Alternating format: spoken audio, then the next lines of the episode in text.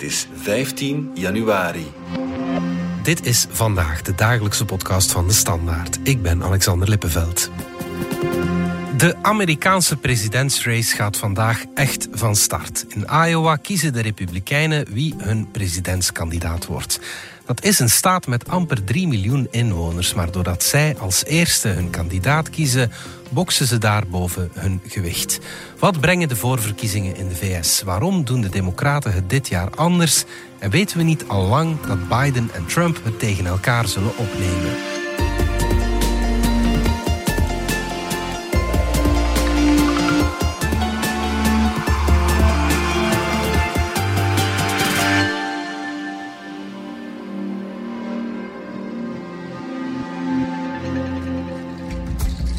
Steven de Voer, onze collega voor wie Amerika zijn tweede thuisland is. Mag ik dat zeggen, Steven? Een beetje overdreven. Een beetje overdreven. Een, een, stevige obsessie. Ja, ja, een stevige obsessie, voilà. Um, het begint, Steven. We zijn er weer aan begonnen, aan de race naar de Amerikaanse presidentsverkiezingen. Ja, en ik heb er toch wel weer zin in. Uh, het is mijn, uh, mijn vierde keer. En... Uh, ja, het is een beetje een open deur intrappen als je zegt het is de belangrijkste keer. Uh, ik dacht dat eigenlijk vorige keer ook al, maar, maar ja. dit overtreft alles natuurlijk. We hebben het al vaak uh, gezegd en geschreven en anderen ook. Mm -hmm. Dat uh, het jaar is waarin dat de toekomst van de democratie in Amerika wellicht op het spel staat. Dus dat is wel een inzet. Hè. Ja. ja. dat is een uh, heel hoge inzet. Uh, dat zegt ook uh, Joe Biden, de huidige president. Whether democracy is still America's sacred cause is the most urgent question of our time. And it's what the 2024 election is all about. Choice is clear. Donald Trump's campaign is about him. He's willing to sacrifice our democracy, put himself in power. Our campaign is different. For me and Kamala, our campaign is about America. It's about you. It's about every age and background that occupy this country. It's about the future. We're going to continue to build together. Het start met die voorverkiezingen vandaag om te weten wie er straks een gooi mag doen naar, de, naar het hoogste ambt eigenlijk. Hè. Ja. ja. En je zegt het start mm. en, en op een andere manier is het al twaalf maanden bezig. Hè. Ja. Ongeveer twee maanden na die laatste midtermverkiezingen, dus nu een jaar geleden, toen al, laten we zeggen januari, februari vorig jaar, dat uh, zo ongeveer alle kandidaten al een campagne zijn beginnen voeren. Uh, vooral in die kleine staten, Iowa en New Hampshire, ja. die nu beginnen te stemmen. Leg nog eens kort uit wat die voorverkiezingen juist uh, zijn. Ja, de, de, de, voorverkiezingen op zich is dus een periode die loopt van uh, nu maandag tot mm. en met uh, begin juni, mm -hmm. waarin dat zowel aan de kant van de Democraten als de Republikeinen in alle 50 staten verkiezingen worden georganiseerd binnen hun eigen partij, mm -hmm. waarbij dat dus de, de, de leden, en in sommige gevallen mogen ook niet leden meestemmen, mm -hmm. bepalen wie hun kandidaat wordt ja. in de eigenlijke verkiezingen. Ja. En dat wordt eigenlijk geconsacreerd in de zomer voor de Republikeinen zal dat in juli zijn, voor de Democraten in augustus. Mhm. Mm -hmm. Een heel erg grote uh, bijeenkomst, waar ze dus echt stadions voor nodig hebben, omdat daar echt duizenden ja. uh, gedelegeerden naartoe komen, Mhm. mm -hmm. die dus zijn aangeduid in al die voorverkiezingen, ja. en die daar dan eigenlijk formeel komen bevestigen van, ah, het is die of die die ja. vanaf nu onze kandidaat wordt. Ja, ja, ja oké. Okay. Een heel gedoe, zeg maar. Maar weten we ergens niet al dat het Trump tegen Biden zal zijn? Ja, in principe zijn dit niet de, de, de spannendste voorverkiezingen aller tijden. Nee, ja. bedoel, je zit, en dat heb je altijd al. Hè, bedoel, voorverkiezingen uh, over het algemeen zijn die alleen maar spannend uh, bij de partij die niet met de zittende president komt ja, uh, ja, ja. aanstesselen. Maar in dit geval is dat eigenlijk in de ogen van het Trump-kamp heb je bij beide partijen een zittende president. Mm. Namelijk Joe Biden, de echte zittende president. Ja. Maar in de ogen van de Republikeinen ook Donald Trump. En, ah ja, als je een echte Trump-believer bent, dan vind je dat de uh, vorige verkiezingen fraudeleus zijn verlopen. En uh, die spreken eigenlijk ook gewoon nog nooit over ex-president Trump. Dat is altijd president Trump. Ze ja, beschouwen ja. eigenlijk Trump nog als de zittende president. Maar goed, het feit dat je het in principe wel weet, mm-hmm. betekent natuurlijk niet dat alles wat in die maanden, in die voorverkiezingen kan gebeuren, mm-hmm. uh, dat maakt ook allemaal wel erg met welke Met gemoedsgesteltenis ja, en welke, ja. ja. welke slagkracht dat je aan die eigenlijke verkiezingen begint. Hè. Ja, ja, ja, we gaan daar eh, straks nog op door. Maar eerst die, die voorverkiezingen nu, die, eh, ja, die vandaag, maandag, starten. Het begint in Iowa. First in the nation, it begins right here in Iowa on January 15th, and Joe Biden's Banana Republic ends on November 5th, 2024. That's what it is. Daar woont eh 3 miljoen man, dat is nog geen procent van de Ja, Amerikaanse bevolking. Ja, ik kan u verzekeren, als je door Iowa rijdt, eh, je kunt daar eh, heel erg lang door de maïsvelden eh, rijden. Ja, Eh, ehm, Iowa is een eh, qua oppervlakte middelmatige, maar qua bevolking dus eh, kleine staat. Ja. Dus Iowa is zo'n staat die niet bepaald een grote claim to fame heeft, behalve die maïs. En het feit dat ze als allereerste in Amerika een, eh, een paleis van maïskorrels gemaakt hadden. Ehm, en dus Ja. behalve dat niet veel. Behalve dit, sinds 1972 al. Ja. Zij mogen de allereerste voorverkiezing organiseren. Mhm. En dat is er bovendien, en dat heeft ook al veel extra aandacht getrokken. Is er geen gewone. Mhm. Enfin, het hangt een beetje vanaf. Er zijn twee soorten voorverkiezingen. Je hebt enerzijds primaries. Dat zijn veruit de meest voorkomende soort. Dat groeit ook nog. Ja. Eh, primaries zijn qua systeem eigenlijk gewoon te eh, vergelijken met gewone verkiezingen. Ja. Er is een stemdag en in de loop van de stemdag kun je in het stemlokaal je stem komen uitbrengen. Of je kunt zelfs per post of digitaal stemmen. Ja, normale verkiezingen. Ja. ja. Iowa heeft een caucus, een systeem dat eigenlijk no- nog gebaseerd is op hoe de Native Americans eeuwen geleden Oh ja. al hun verkiezingen organiseerden. Oh ja. Waarbij dat dus niet is met eh, stembiljetten invullen of zo, maar waarbij op heel erg veel plaatsen, overal in Iowa, Mhm. echt heel, op heel lokaal niveau, in een sporthal, in een school, eh, op heel rurale plaatsen zelfs gewoon op de grootste boerderij uit de streek. En lang geleden blijkbaar gewoon echt in huiskamers. Ah ja. Dat mensen bijeenkomen voor een avond debatteren over wie ja. het de beste kandidaat zou zijn. Waarbij dat ze op de meest informele manier echt gewoon nemen een bladje papier en geeft dat aan een, een aangeduidene onder u, zodat die daarna kan tellen hoeveel st- eh, dat, Ah ja. stemmen dat er waren. Of sterker nog, bij de Democraten maak uw voorlopige keuze, want er komen nog stemrondes, het is een lange avond. Ja, ja. Maak uw voorlopige keuze bekend door in die of die hoek van de Kamer te gaan staan. Ja. Dus op die manier, in een, in een proces dat begint om zeven uur s'avonds en dat kan uitlopen tot na middernacht, op een weekdag, na het werk. Op die manier wordt dus op al die locaties wordt bepaald wie dat de kandidaat van de Van- voorkeur ja. van dat district daar is. Ik vind dat fantastisch, Steven. Dat Dat is gewoon basisdemocratie. De- Absoluut. ja? Hoe kan het meer basis dan dat daar in Iowa, een staat die toch altijd zal zeggen van wie luistert er ooit naar ons, en met dat systeem van die caucus. Dus het was wel een beetje een statement maken van iedereen heeft zijn stem. Ja, en de ja. Republikeinen hebben daar ook over genomen. Ja, Er is nog zo'n speciaal geval. Dat is New Hampshire. Mhm. Die ook een hele lange traditie hadden van de eerste primary te organiseren. Mhm. Dat is dus nu de, sindsdien de tweede in lijn. Mhm. En die hebben het zelfs verzegeld in hun staatswet dat zij de eerste primary moeten organiseren. Ah, ja. En dus eigenlijk voor meer dan 50 jaar al heb je dus nu die twee kleine staten, die maffe, charmante, maar toch ook wel ouderwetse caucus van Iowa en dan daarna die normale verkiezing, die primary van New Hampshire, zijn de nummers 1 en 2.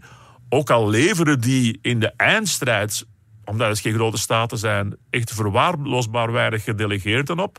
Maar ze zijn ja, enorm boven hun gewicht gaan spelen. Ja. Omdat natuurlijk iedereen dat enorm belangrijk vindt. Want wie die eerste verkiezing wint, Ja. ja. die is blijkbaar wel de man of de vrouw van het moment. Want wat is dan het effect als je wint in een van die staten?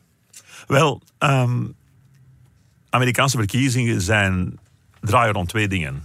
Geld en media.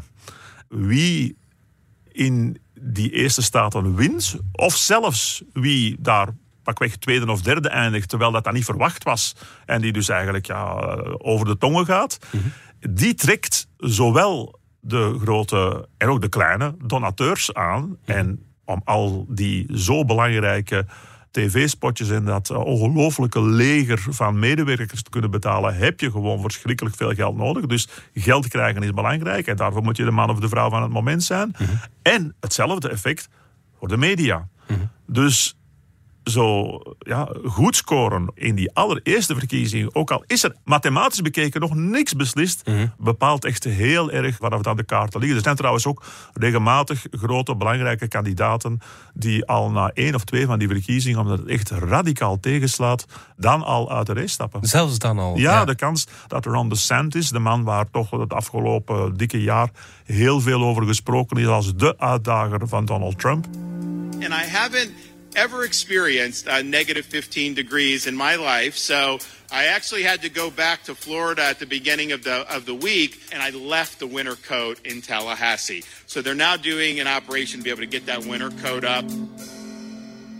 DeSantis heeft enorm hard gefocust op Iowa. In Florida, waar hij gouverneur is, noemen ze hem tegenwoordig spottend de gouverneur van Iowa. Eh, en hij heeft er ongelooflijk hard op ingezet, eh, met geld, met aanwezigheid daar en zo. En is zeer zwaar aan het terugzakken in de peilingen. Dus ik kan me echt wel voorstellen dat als DeSantis echt wordt afgestraft daar in Iowa, dat hij dan al zegt van ja, dit heeft geen zin meer, ik stop ermee. Ja, ja, ja. En zegt de uitslag iets over ja, de uiteindelijke uitslag? Is dat al een indicator van deze of deze zal het worden? In, in, indicator wel. Hè. Ik bedoel, als je onderuit gaat, dat, dat, is- dat Ja, is niet goed. ja. Eh, maar het is eerder in die richting, niet in de winnende Nee, richting. nee, Ja. eh, want, want eh, ja, Iowa is ook.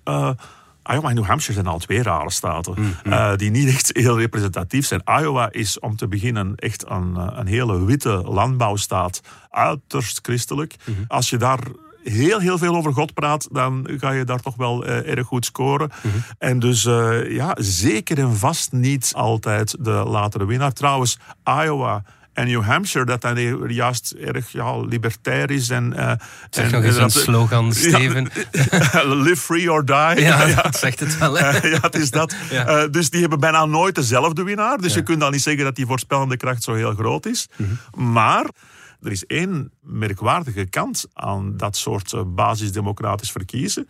Dat is dat kandidaten die nog helemaal niet bekend zijn en die ook niet onwaarschijnlijk veel geld achter zich hebben staan op het moment dat ze starten, dat die daar nog verrassend met de overwinning kunnen gaan lopen. En dan opeens de hele zaak openbreken en wel die donateurs en die media-aandacht krijgen. En op die manier zijn dus bijvoorbeeld de onbekende senator uit Georgia, Jimmy Carter, in 1976 uiteindelijk president geworden. En die, ja, wel opgevallen, maar dan hem toch ook nog niet reusachtig bekende, welbespraakte eh, zwarte kandidaat uit Illinois, Barack Obama, eh, in, eh, in 2008. Dus Ja. Carter en Obama zijn uitvindingen tussen aanhalingstekens van Iowa geweest. Ja. Dus af en toe wel, maar vaker niet dan wel. Ja, ja, ja oké. ja. Maar het kan dus wel een verschil maken. Maar dat zijn nu twee democratische presidenten. De democraten ja, doen het anders dit jaar. Hè? Ja, en dat heeft ook alles te maken met dat trendzettende karakter. Enfin, officieel niet, in de praktijk wel. Je moet weten, dat is ook iets met die caucus van Iowa, hoe sympathiek het ook allemaal is. Het wordt daar wel met de hand geteld door vrijwilligers, geen professionals. Het is in het verleden al dikwijls raar uitgedraaid. Op een gegeven moment in 2016 hebben journalisten kunnen uitvlooien dat in twaalf districten er uiteindelijk op het eind van de avond dat ze er niet uitkwamen en dat ze een muntstuk hebben opgegooid, eh, kruis of munt, om te bepalen wie de kandidaat was. Dus ja, dat is niet echt om over eh, op te scheppen. Nee, nee, Eh, nee. En in 2020 is het zeer zwaar fout gelopen bij de Democraten. Nu hadden ze eens een keer iets, iets moderns uitgevonden. Ze gingen de resultaten eh, doorgeven via een app. En die app is geblokkeerd. Ah, ja. De camera's van de hele wereld staan daarop. En het heeft zes, bijna zeven dagen geduurd om te bepalen dat Pete Buttigieg de eerste verkiezingen had gewonnen. Ja, ja, ja. Die normaal gezien misschien inderdaad een geweldige doorbraak had kunnen maken door de media-aandacht. Maar door het feit dat het eh, dagenlang alleen maar ging over hoe is dat nu mogelijk dat ze nog geen verkiezing georganiseerd krijgen, is die eigenlijk helemaal zijn moment onder de schijnwerpers kwijtgespeeld en uiteindelijk niet geworden. Ja, ja. Dus het is vorige keer zijn aan het verlopen. En mede daarom eh, hebben ze bij de Democraten nu gezegd: ja, we gaan dat toch niet meer doen daar in Iowa. Andere reden die ze opgeven, en die ook wel zal meespelen, is: ja, Iowa is een zo sterk witte staat, landbouwstaat. En wij zijn een erg multiculturele partij en een stadspartij. Dus die uitslag die weerspiegelt eigenlijk onze partij ook niet erg. Daarom, zeggen ze, maar er is nog een andere reden waar ik er meteen te kom. Ja. Eh, daarom dit keer niet met Iowa en New Hampshire. Eh, we gaan beginnen in South Carolina. Ja. Nu, de echte reden, of, of toch op zijn minst een deel van de reden.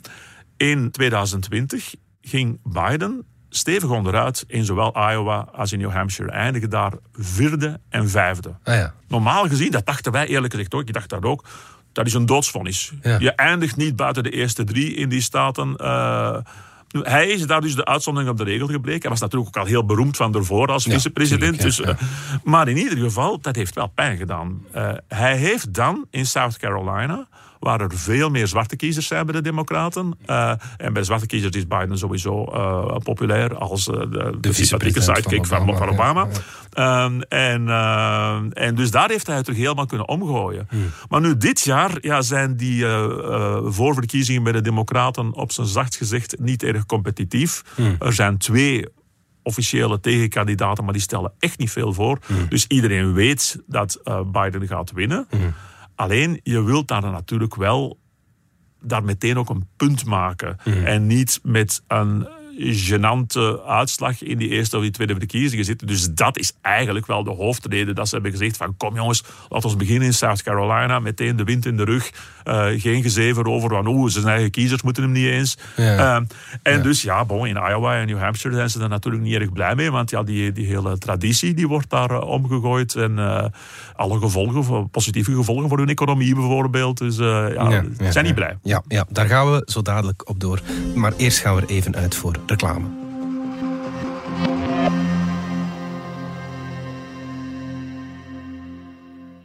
Gaat in het begin van het nieuwe jaar jouw autohart ook altijd sneller kloppen? Je wil gaan kiezen en de beste deals niet uit het oog verliezen? Kom dan naar een van de 35 Hedin Automotive showrooms en ontdek al onze vertrouwde, maar ook onze verrassend nieuwe merken tijdens de Hedin Autovest maanden. Al onze merken geven u onvoorwaardelijk de allerbeste voorwaarden. Meer info op hedinautomotive.be. Hedin Automotive. More for you.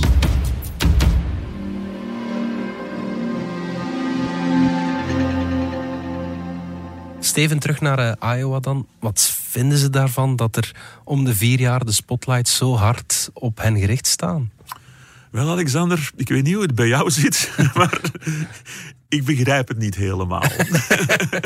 Ehm, het, eh, ik, vind, ik, vind het, ik vind het tof, ik vind het sympathiek dat mensen zoveel om politiek geven. Ja. Maar als je weet hoezeer het leven daar een jaar lang en zeker niet de laatste maanden bepaald wordt door dat gekkenhuis van die campagnebussen en die media uit heel Amerika die daar naartoe komen, naar die staat waar er anders nooit iets te beleven is.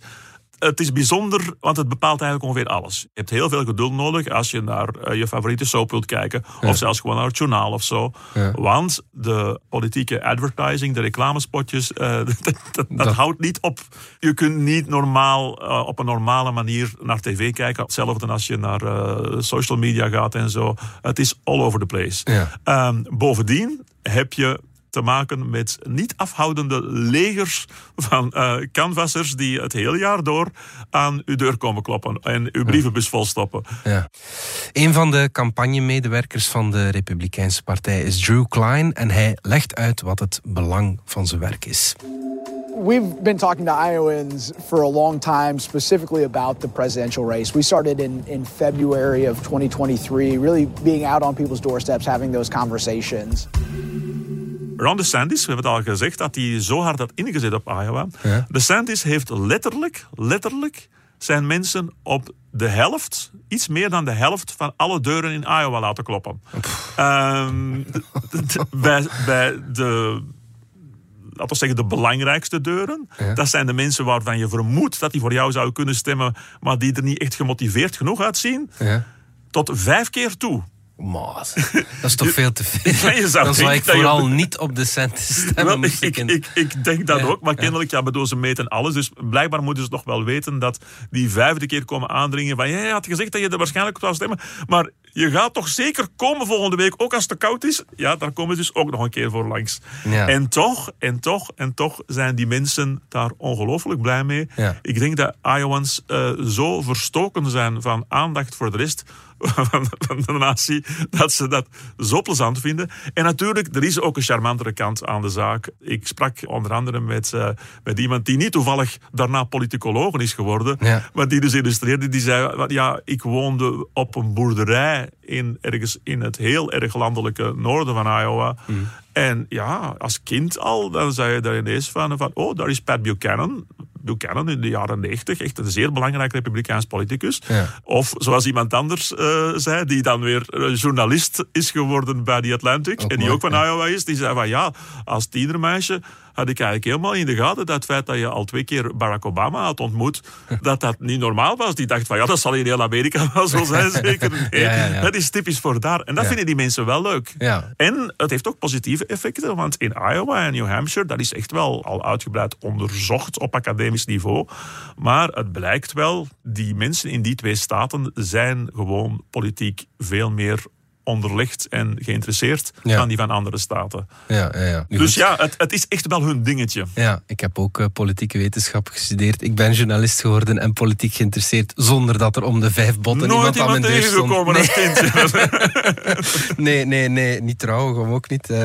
maar goed, ehm, ik kan me inbeelden dat het economisch ook wel wat betekent voor zo'n Zeker, mini-staatje. zeker, zeker, Ja. zeker. Eh, ja, dus in de eerste plaats het, het, het netto-effect. Ik bedoel, is een kleine staat. Mhm. Er is tot nu toe 105 miljoen dollar geïnvesteerd, puur alleen al maar in televisiespotjes in die staat. 105 miljoen dollar. Ja, dat is alleen nog maar dat aspect. Dat levert geld op. Hè. En Ja. dat stroomt natuurlijk door naar andere sectoren. Eh, dat is gewoon inkomende netto winst voor die staat.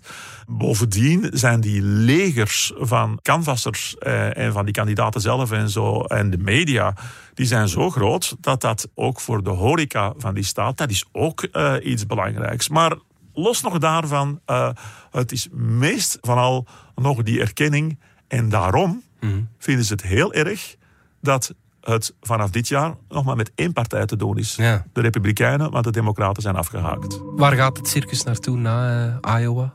Wel, het is dus nu maandag Iowa en volgende week dinsdag, de 23 januari, naar New Hampshire. Ja, maar daar gaan de democraten ook nog niet... eh, Nee, nee, nee. Want, eh, dus zoals ik net zei, dus, eh, de Democraten willen pas in South Carolina beginnen. Wat dan voor hen, daar wordt het opgesplitst. Daar is het voor hen op 3 februari. Voor de Republikeinen is het daar eh, pas enkele weken later.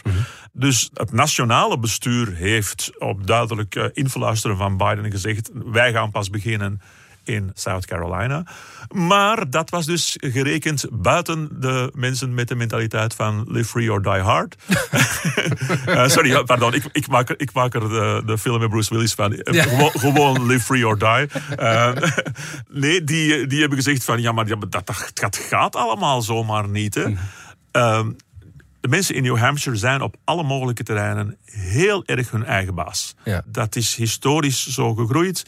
Dus iemand in Washington die bepaalt wanneer zij hun verkiezingen gaan organiseren, terwijl het verdraaid in onze eigen staatswet staat. Ja. Nee, nee, niet met ons in New Hampshire.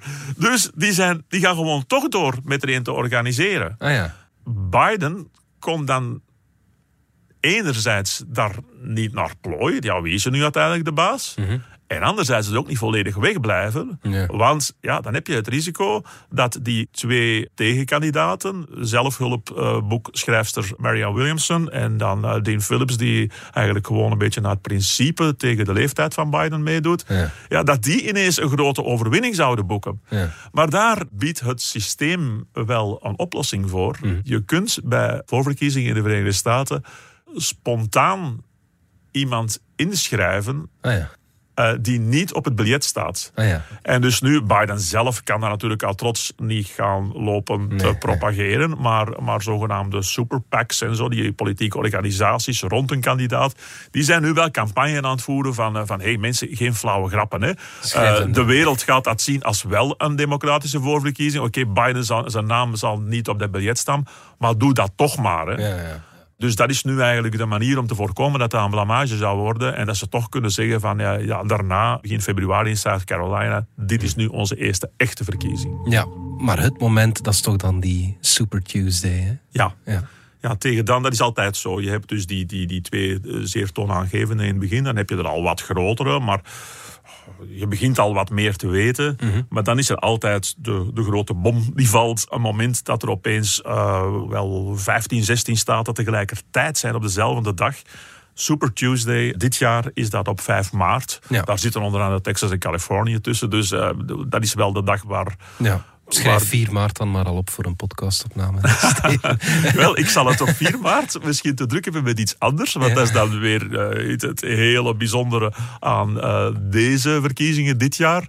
Dat dus op 5 maart is Super Tuesday. Op 4 maart begint het eerste van die vier grote strafprocessen tegen Donald Trump. Oeh, ja, juist. Ja, ja, ja, ja, dus ik bedoel, het, wordt, het worden drukke tijden, maar ik zal mijn best doen, Alexander. dat is goed, dank u wel. Uh, maar uh, we zeiden het al, hè, het zal waarschijnlijk Trump worden. Doen de andere republikeinse kandidaten dan echt niet mee? Of. Wel, op zich zou je zeggen, is een compleet gewonnen race voor Trump. Mhm. Die tot niet zo lang geleden nationaal op uh, rond de 55, 60 procent stond in de peilingen. Terwijl dat uh, DeSantis en, uh, en Nikki Haley mm -hmm. dan aan het vechten waren voor de tweede plaats. Bij de regen stond de 14, 15 procent. Mm -hmm. Maar er is één het aspect, ja, als er met die strafprocessen heel zwaar de schuld van Trump wordt aangeduid, dan valt hij misschien toch nog uit. Mm -hmm. Dus is het zeer belangrijk wie er zich tegen dan als de duidelijke nummer twee propageert, want dan moet hij inspringen. Mm. Dus daar alleen voor is die strijd DeSantis-Haley belangrijk. Maar bovendien, zelfs als, wat toch de meeste mensen vermoeden, dat ondanks de processen het toch Trump wordt, dan nog is het wel van belang of dat het Trump wordt met de hele Republikeinse partij als één blok achter hem, of Trump na een al bij al nog relatief spannende verkiezing mm. tegen een, uh, een, tegenkandidaat als Nikki Haley bijvoorbeeld. Mm. En dus daar alleen al voor is het, is het erg belangrijk, wat gebeurt er nu? Mm. Gaat de stem van de niet-Trumpers zich kristalliseren rond één andere kandidaat die het hem moeilijk maakt? Of gaat hij langzaam verpulveren en dan gaat iedereen op de deur als schapen toch achter Trump aanlopen? Ja, ja. En daarom is het nu belangrijk om te zien wat er gebeurt. Zal Iowa ondanks al die enorme inspanningen van DeSantis voor hem tegenvallen en zal Nikki Haley dan doorbreken. Haley die absoluut uh, veel meer kans maakt in New Hampshire. Hmm. Waar ze al bij al, enfin, in vergelijking met die achterstand overal, uh, staat ze daar maar een 12% achter op Trump. En bovendien is de uitgesproken anti-Trump-kandidaat Chris Christie, die is nu juist uit de race gestapt. Ja. En volgens alle peilingen gaan die zijn kiezers en blok naar Nikki Haley toe gaan, waardoor nu wordt gezegd van, oh, die voorverkiezing in New Hampshire, die zou best wel eens spannend kunnen worden. Haley maakt daar kans om Trump te verslaan. Ja. Betekent dat veel in de long run? Allicht niet, omdat we dan daarna dan weer naar het zuiden trekken, de heel erg Trumpistische staten. Dus er moet nog veel gebeuren voor Haley echt Trump voetje kan lichten. Maar ja, voorverkiezingen is altijd heel erg een kwestie van momentum. Mm. Als het momentum kantelt, kan er ineens veel kantelen. Dus laat ons zo zeggen, bij de mensen die echt een bloedhekel hebben aan mm. Trump, er is wel een sprankeltje hoop daar. Ja, ja, ja. oké, okay. in de vorm van uh, Nikki Haley. Ja. We volgen het op de voet, uh, Steven. Dankjewel. Graag gedaan.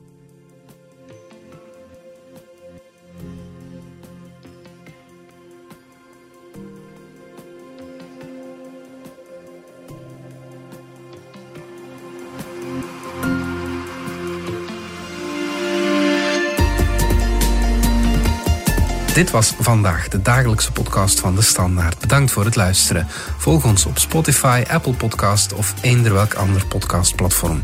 In onze gratis FDS podcast kan je niet alleen ons werk beluisteren, maar ook de beste podcasttips terugvinden. Alle credits van de podcast die je net hoorde vind je op standaard.be-podcast. Reageren kan via podcast.standaard.be.